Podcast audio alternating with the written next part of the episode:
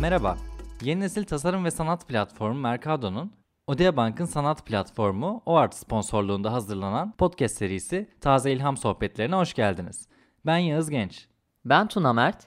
Her bölümde tasarım ve sanata dair ilham veren hikayeler üzerine sohbet ettiğimiz podcast serimizin yeni bölümlerini kaçırmamak için şimdiden takip etmeyi ve bildirimleri açmayı unutmayın. Bugün size beni son zamanlarda heyecanlandıran ve bana ilham veren bir sanat enstalasyonundan bahsedeceğim.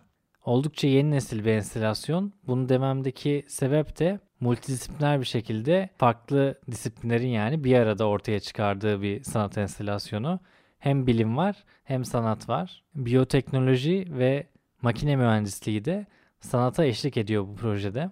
İki sanatçı Kei Mazu ve Bagus Pandega'nın ortak çalışması olan bu proje Endonezya'daki ormanların yok olmasından, Endonezya'nın ormansızlaştırılması ve buna bağlı olarak da doğasının ve ikliminin değişimini anlatıyor. Buna dikkat çekiyor proje.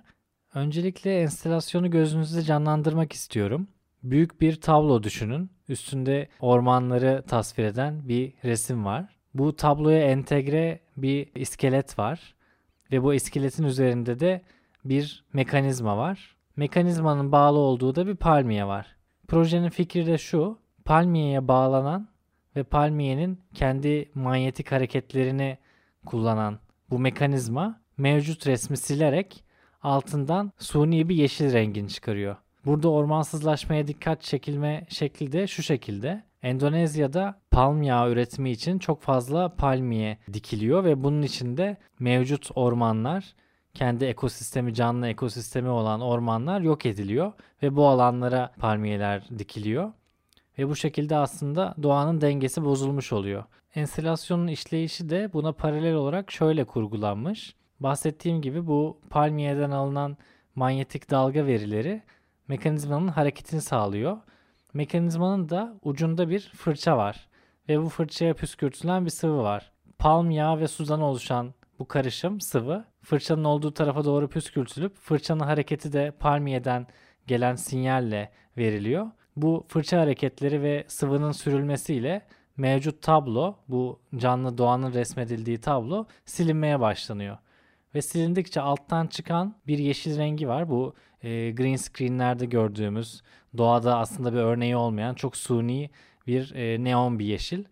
Bu yeşil rengi çıkıyor. Palmiyelerin ekilmesiyle organik olarak gelişen doğal sistemlerin yerini fabrikasyon haline gelmiş doğal bir örtüye bırakmasını yani suni bir yeşile doğal bir yeşilin kendini suni bir yeşile bırakması ifade edilmiş. Zaten projenin adı da Artificial Green by Nature Green.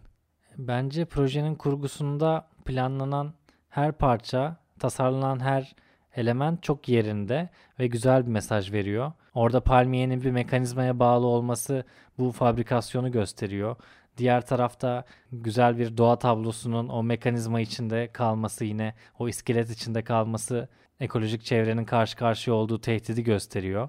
Ve bu kablolarla karışık bir şekilde bağlanması bu sistemin ne kadar aslında kompleks ve hani zor çözülecek bir halde olduğunu ifade ediyor. Ben bundan dolayı hani çok hoşuma gitti tasarlanan deneyim. Ya fotoğraflarını gördüm tabii ki, videosunu gördüm ama yerinde deneyimlemeyi çok isterdim. Bence o mekanizmanın hareket ederken çıkardığı sesler, orada palmiyeye verilen yapay ışık bunların hepsi çok etkileyici bir deneyimi tamamlıyordur diye düşünüyorum. Yerinde ziyaret etmek isterdim dediğim gibi. Ya bu projeyle bir daha gördüm ki insanoğlu çok gaddar. Ya yaşadığı ekosisteme bu kadar zarar verebilen başka bir canlı olamaz dünyada. Yağmur ormanlarını, o güzelim ormanları yok edip yerine palmiye dikiyorlar ve palmiye üretiyorlar. E biliyorsunuz palmiye şu an tükettiğimiz her şeyin içinde var. İnanılmaz büyük bir e, endüstri tüm dünyada. Ancak doğaya verdiği tahribat inanılmaz ölçülerde. Çok üzücü bir durum bu. Bir de bu projeyle ilgili benim dikkatimi çeken şöyle bir nokta daha var üzüldüğüm. Normalde maalesef bu doğa tahribatlarını ülkemizde de dünyamızda da çok görüyoruz. İşte böyle büyük ekosistemler, doğal güzellikler yok edildiğinde yerine ya bir inşaat geliyor ya bir maden geliyor, bir üretim tesisi geliyor.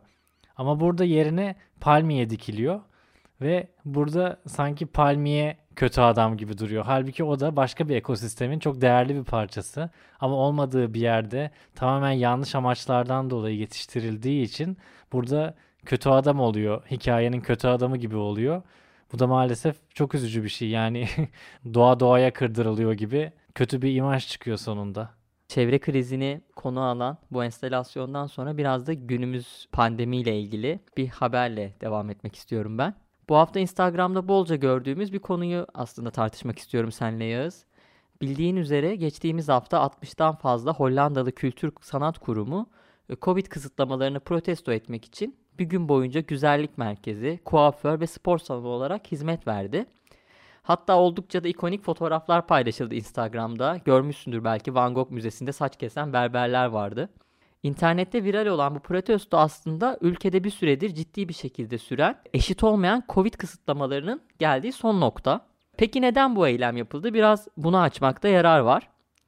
Ben bu eyleme kişisel olarak oldukça önem veriyorum ve konuşulması gerektiğini düşünüyorum. Aslında hepimiz bunu deneyimledik. Pandeminin hem başlarında hem de ortalarında ülkecek benzer durumları yaşadık. Tüm dünya yaşadı. Ee, karantina dönemlerinde ilk kapatılan yerler maalesef ki müzeler ve kültür sanat kurumları oldu. Hatta AVM'lerin açık kaldığı dönemde kültür sanat hükümetler için öncelik sıralamasının çok çok gerisinde kaldı. Ya oysa bu sektörde çalışan onlarca insan e, göz ardı edildi. Biz maalesef ki ülkemizde kültür sanatın değer görmemesi durumuna alışığız ama dünyada özellikle de Avrupa'da bu durum büyük tepki çekti. Ee, normalde halk sağlığı söz konusu olduğunda elbette pandemi koşullarında çeşitli işletmelerin geçici süreyle kapatılması e, uygun görülebilir. Ancak Hollanda'daki son kısıtlamalar spor salonları, berberler ve güzellik merkezleri hatta genel evleri dahi açık tutarken müzelerin ve kültür sanat kurumlarının kapatılmasını e, getirdi ve ülke genelinde büyük tartışmalara neden oldu.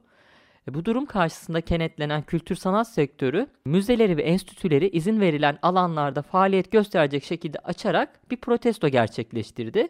E, ve tabi bu aslında sektörler arasında bir dayanışma oldu. Çünkü sadece kültür sanat kurumları değil, berberler, spor salonları da bu protestoya katılarak bir birlik beraberlik mesajı verdiler. Protesto kapsamında Van Gogh Müzesi'nde Yıldızlı Geceler temalı tırnaklar yaptırıldı.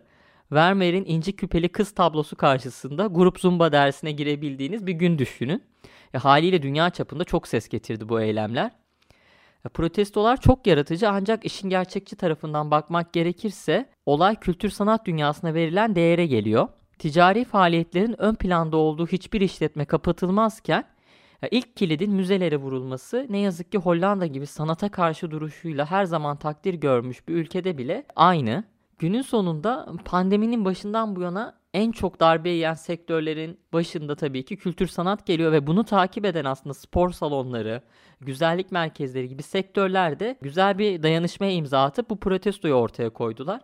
Bu konuda sen ne düşünüyorsun merak ediyorum.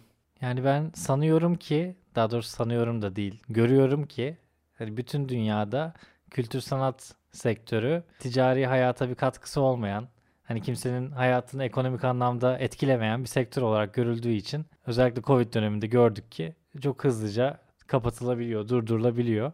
Halbuki öyle değil yani e, sonuçta müzelerde çalışanlardan işte küratörlere, sanatçılara burada çok büyük bir kesim var. Ayrıca hani onların yaptıkları işin moral motivasyon anlamında toplum üzerinde büyük etkisi var.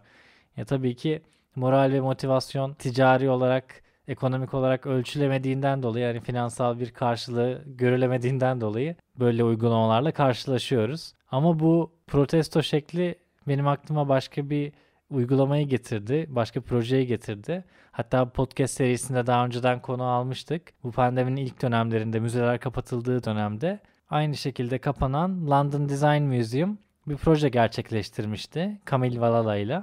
O dönemde açık olan, hizmetlerine devam eden süpermarketler vardı tabii ki ve sanatı bir süpermarkete e, taşıdılar. Çeşitli sanatçıları bir araya getirdiler ve bu süpermarketin içindeki ürünleri gerçekten alabileceğiniz işte makarna, deodorant, tuvalet kağıdı ne aklınıza gelirse bu ürünlerin ambalaj tasarımlarını sanatçılara yaptırdılar. Ve aslında sizin sanatı deneyimleyebildiğiniz bir alan olmuş oldu bu süpermarket. Hem de gerçekten süpermarket olarak işliyordu. Bu örneği benim aklıma getirdi. Yani aslında e, yaratıcılığı zaten ne kadar kısıtlamaya çalışırsanız o kadar fazla patlıyor, o kadar e, güzel örnekler ortaya çıkıyor. Bir yandan da bunu görmek de sevindirici. E, umarım ileriki dönemlerde yine kültür ve sanata verilen değer daha yüksek olur. Odea Bank'ın sanat platformu OART sponsorluğunda hazırladığımız Mercado Taze İlham Sohbetleri podcast serimizin sonuna geldik. Haftaya ilham veren yeni projelerde görüşmek üzere. Kendinize iyi bakın.